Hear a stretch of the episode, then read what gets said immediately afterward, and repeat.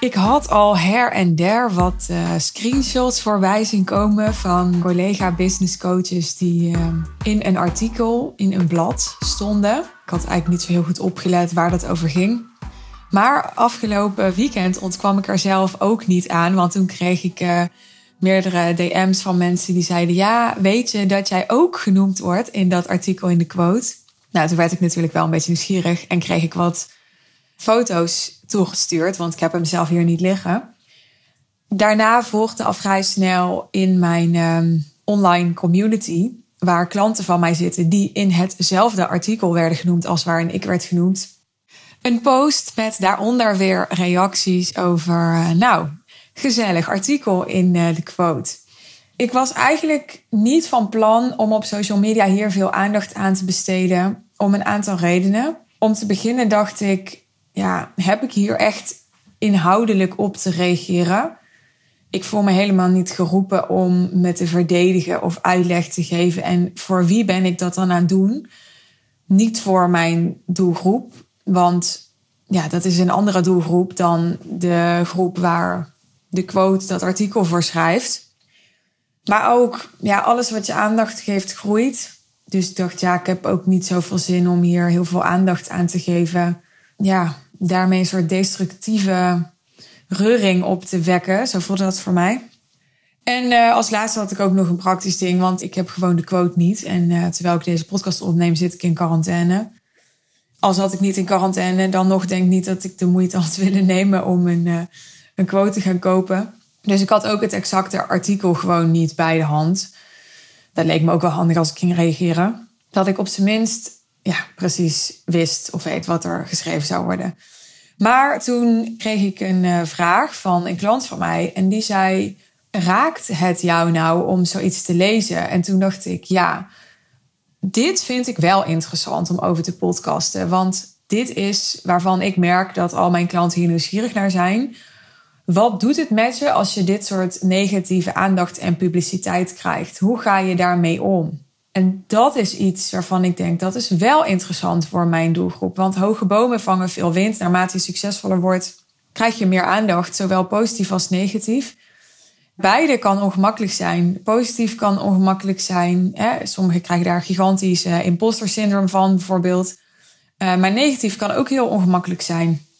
En daarom heb ik besloten om, om vooral daar deze aflevering aan te wijden.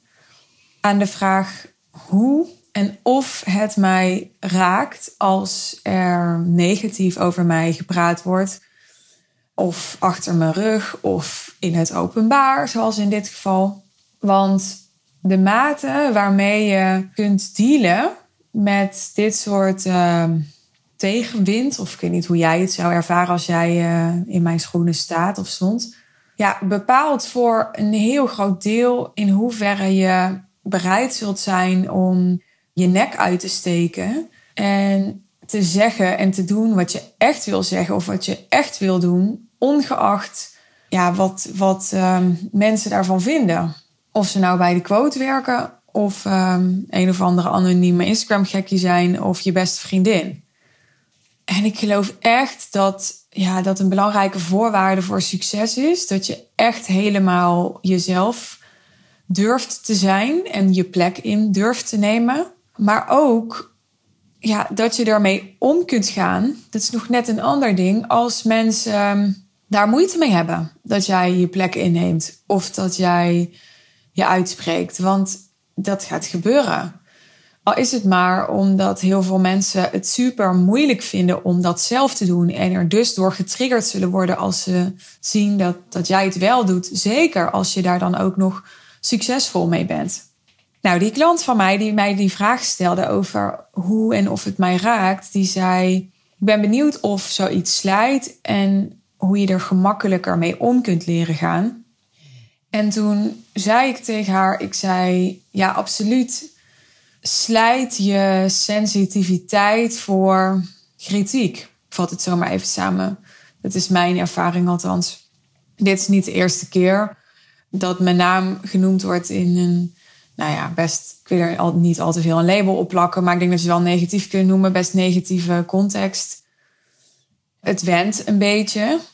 zeker ook omdat ik ook al best wat gewend was voordat ik business coach was. Want ik ben al inmiddels twaalf jaar heel zichtbaar online. Dus voor die tijd, toen ik bijvoorbeeld nog fashion blogger was, werd ik ook soms helemaal afgemaakt op het uh, L-Girl Forum om uh, hoe ik eruit zag en hoe mijn haar was en hoe mijn nagels waren en mijn kledingcombinaties. En ja, er zijn ook wel eens um, hele Twitter-rants rondom mij ontstaan. Toen ik nog op Twitter zat, zit ik inmiddels al jaren niet meer op. Ik ben gewoon wel wat gewend en ik heb de ervaring gehad. Ja, weet je, dat vliegt of waait allemaal zo makkelijk ook weer over.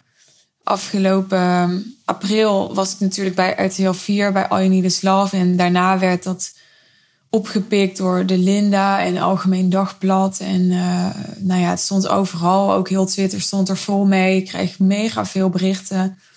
En even voelt het dan alsof de hele wereld met jou bezig is. Wat natuurlijk absoluut niet het geval is. Het blijft altijd maar een klein deel. En dan nog, ja, een week later zijn mensen het echt allemaal alweer vergeten. Je doet op een gegeven moment de ervaring op dat het even een soort storm is die opwaait, maar die ook heel snel weer gaat liggen. En um, ja, waar je gewoon even doorheen gaat en niet zoveel mee moet per se. Dus ik voelde me ook oprecht helemaal niet geroepen om, om te reageren of zo. Omdat, weet je, het voelt in wat ik hier aan het doen ben, met mijn business op aarde, gewoon in mijn leven, uh, van dag tot dag, voelt deze aandacht dan, zo'n artikel, relatief zo klein, oprecht. Ik bedoel, in het grote geheel is dit gewoon even een, een soort kleine rimpeling op het water. Misschien nog niet eens. En ja, ik ben gewoon bezig met, weet je wel, mijn doelen voor dit jaar en mijn planning voor dit jaar. En eventen in maart voor te bereiden. En uh, mijn besloten event voor mijn Real Deal klanten voor te bereiden. En wat moet ik dan met zo'n artikel? Ik zei tegen mijn klant, ik zei, je went er ook meer aan, niet alleen als je het vaker meemaakt, maar ook naarmate er meer op het spel staat. Dus je groter groeit met je bedrijf en ja, je, je tijd en je energie dus steeds kostbaarder wordt voor je gevoel. Ja, ik voel dan echt dat ik het me gewoon helemaal niet meer kan permitteren om hier wakker van te gaan liggen. En in alle eerlijkheid, ik heb echt ook gewoon wel andere dingen aan mijn hoofd. Ik heb echt andere dingen aan mijn hoofd die, uh, waar ik niet altijd helemaal open over kan praten, maar wel af en toe genoeg over let vallen. Weet je, ik ben nog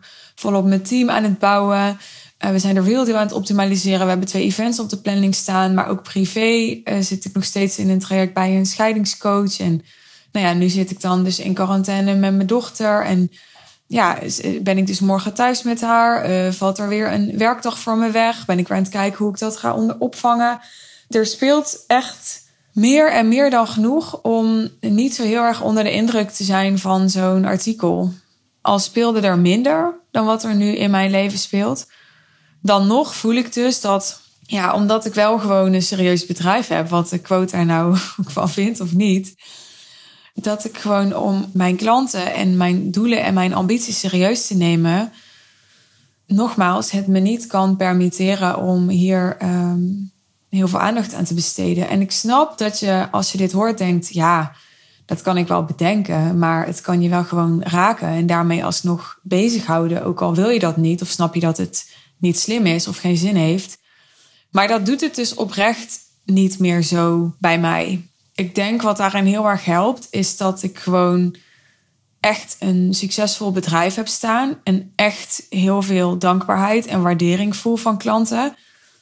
Ja, ik heb echt een paar dagen geleden nog een kaartje gekregen, een cadeautje van een klant die zei: Nou, jij hebt echt met stip de meeste impact gehad op mijn jaar, afgelopen jaar in positieve zin. En zoveel waardering dat ik. Kijk, als dat er allemaal niet zou zijn, en ik zou echt in een fase zitten van mijn bedrijf, hè, wat er ook bij hoort. Het is niet allemaal één rechte lijn omhoog. Waarbij het allemaal, uh, nou ja, maar mondjesmaat ging en, en er weinig groei was en ik heel onzeker was over mezelf. En ja, dan resoneert zo'n artikel natuurlijk veel meer op die onzekerheid. Maar dat, zo is het nu niet. En daarmee wil ik niet zeggen dat ik nooit onzeker ben. En daarmee uh, wil ik ook niet zeggen, wat ik ook al vaak zeg in mijn podcast, dat, dat alles bij mij goed gaat of voor de wind of wat dan ook. Maar dat het een grote struggle is bij mijn klant, dat, dat is gewoon niet zo. Weet je wel? Dat is gewoon niet zo. Dus dat, dat, ja, dan denk ik, ja, dat, dat mag je dan schrijven. Maar dan voel ik me net zo'n soort van BN'er waarover geschreven wordt dat die vreemd gaat. Ja, als dat niet zo is, dan is dat gewoon niet zo. Daarmee is het nog niet leuk. Maar, dit zei ik ook tegen mijn klant. Ik zei, wat ik ook echt kan voelen is negatieve publiciteit is ook publiciteit. Heel eerlijk gezegd, dat meen ik oprecht, denk ik dat ik meer geraakt was geweest als ik niet tussen deze namen allemaal had gestaan. Want er worden echt behoorlijk wat namen genoemd uit de scene van klanten van mij, maar ook van niet-klanten. Dan ja, dat ik er wel tussen sta. Want ja, blijkbaar wordt ik in ieder geval, als aan deze branche gedacht wordt, komt in ieder geval mijn naam boven. En ben ik in ieder geval interessant genoeg om te noemen. Daar ben ik dan toch ook gewoon wel weer echt blij mee. Want je kan van de branche vinden wat je ervan vindt. Hè. Ik zie het ook echt als een soort beetje aan de schandpaal nagelen van een branche. Ik voel me niet zozeer op de persoon aangevallen. Nou ja, ik vind het dan toch wel fijn om, uh, om in die branche dan uh, ja, toonaangevend te zijn. Zo voel ik dat wel. Verder, ik heb dus niet het artikel gelezen helemaal dat in het uh, blad stond. Ik vind dat ook helemaal niet zo heel interessant. Er is wel ook een online variant. Daar staat bijvoorbeeld de zin: ze benadrukt dat er goede coaches zijn, maar de grote successhow op Instagram is volgens haar grotendeels schone schijn. En ja, daarvan denk ik dan natuurlijk. Ik ga dat ook helemaal niet soort van bestrijden, maar dan denk ik, ja, maar 95% van überhaupt wat op social media wordt getoond is schone schijn. Ik weet niet hoor, maar ik ken ook mensen in mijn omgeving waarvan ik weet dat ze helemaal niet zo gelukkig zijn en die er heel gelukkig uitzien op Instagram. Dat is ook schone schijn. Weet je, dit, dit is niet in mijn beleving heeft dit niks te maken met de branche. Heeft dit gewoon veel meer te maken met hoe social media werkt. Ik snap best dat je kunt zeggen: ja, oké, maar die uh, kennis van jou, die vraagt geen 50.000 euro om vervolgens een ander te leren hoe dat hij succesvol is terwijl hij het zelf niet is. Of om een ander te leren hoe dat hij gelukkig is terwijl hij het zelf niet is. Nee, dat klopt. En dit is dan zo'n stukje waarvan ik denk, ja, moet ik er echt inhoudelijk op gaan reageren? Ik denk, volgens mij is het heel simpel en weet iedereen dat. Er zijn mensen die zien er heel succesvol uit. Die zijn het ook. En die zijn ook nog eens hele goede coaches die heel goed kunnen helpen. Er zijn mensen die zien er heel succesvol uit, die zijn het ook. Maar die kunnen anderen er niet zo goed mee helpen, omdat ze geen fantastische coaches zijn. Er zijn ook mensen die zijn fantastische coaches, zien er op Instagram ook behoorlijk succesvol uit zijn het in realiteit wat minder. Maar nogmaals, zijn alsnog wel goede coaches. Dan heb je ook mensen die zijn geen goede coaches. Zien er niet succesvol uit op Instagram en zijn het ook niet. Ik bedoel, je hebt het allemaal. Het is er allemaal. En, en ik denk dat het vooral belangrijk is dat, dat je gewoon zelf als consument kritisch blijft. En wel overwogen en doordacht. Dat stimuleer ik alleen maar. Maar ja, nogmaals, dat geldt niet alleen voor de business coaches. Ik, ik heb hiervoor in de fashionwereld gezeten.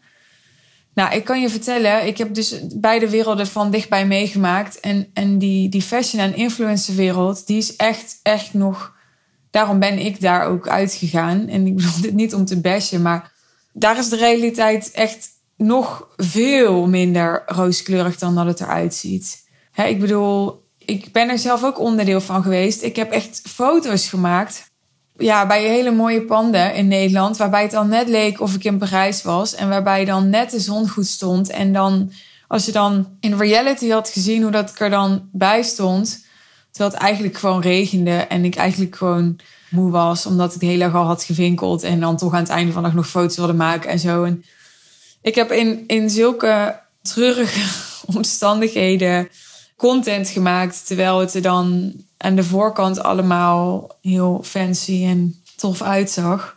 Voor mij, ik werd daar op een gegeven moment niet meer gelukkig van. Maar het is niet zo dat ik, dat ik het uh, misleidend vind of zo. Kijk, als je echt harde leugens vertelt over dingen, dan vind ik het een ander verhaal. Maar ja, ik heb het altijd vergeleken met een, een Vogue of zo. Ik bedoel, het model die, die heeft ook niet de designertassen, weet je. Die worden ook gewoon geleend voor de shoot. En die modellen worden ook gefotoshopt. En, en ja, dat, en Natuurlijk mag je erover discussiëren of dat het goed is of niet. Alleen ik denk gewoon dat het niet fair is om het, om met één individu kwalijk te nemen of zo. Ik denk dat het een cultuur is die we met elkaar creëren. Zoals ja, Quote ook nu een, een cultuur creëert. de, de mensen die ja, dit soort artikelen die ze schrijven graag lezen, die stimuleren dat, dat er een cultuur in stand gehouden wordt waarvan ik denk, ja, is dat dan niet om trots op te zijn? Het is wat mij betreft niet ehm, een onderzoek of zo, een kritisch onderzoek, dat, dat uh, online artikel. ik uh, beperk me dan even tot het online artikel, omdat ik dat wel gemakkelijk kon lezen. Maar het is gewoon, ja, framing. En, en ook daar heb ik niet eens zozeer een oordeel bij, want dat gebeurt overal. En dat doe ik zelf ook, weet je. Ik belicht zelf natuurlijk ook mijn punt vanuit een hoek. Dat het mij uitkomt omdat ik dan mijn punt goed kan maken. Als ik altijd de nuance overal in zou brengen, dan zou mijn content veel minder marketingwaarde hebben. Dus ik neem het niemand kwalijk. Ik heb er geen hard feelings bij. Ik wil niet zeggen dat ik het als mens leuk vind om te lezen. Maar voor mij staat het in geen verhouding tot wat ik van dag tot dag doe. En waarvan ik weet dat ik dat beteken voor mensen. Ja, ik denk dat dat genoeg is voor nu. Oh ja, en, en als we dan toch kritisch blijven, dan denk ik um, ook een zin die in het artikel stond is als quote tientallen business coaches natrekt in de Kamer van Koophandel, valt op dat die vrijwel allemaal nooit een ander bedrijf hebben gerund dan hun coachingspraktijk. Ja, ik denk dan gelijk, oké, als dit het niveau is van ja, het onderzoek, ik vind het uh, nogal een, een uh, gemakkelijke en daarmee uh, ja, niet echt waardevolle conclusie om te stellen dat als in de Kamer van Koophandel mensen nooit een ander bedrijf hebben gerund dan een eigen coachingspraktijk, dat het, dat het er dan dus niet is. Ik bedoel, um, ik heb al, um, nou ja, ik denk al vijf verschillende dingen gedaan binnen mijn eigen bedrijf. Dus uh, ik denk als je mij natrekt in de Kamer van Koophandel, dan zie je alleen mijn huidige bedrijf, ja.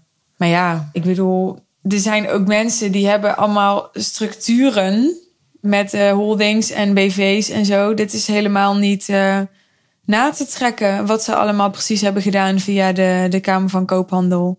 Gewoon in het dagelijks leven bedoel ik dan. Hè? Dus dan denk ik, ja, als dat het, het criterium wordt waarop we gaan beoordelen, dan, uh, ja, dan neem ik het gewoon al niet meer zo serieus, ook inhoudelijk.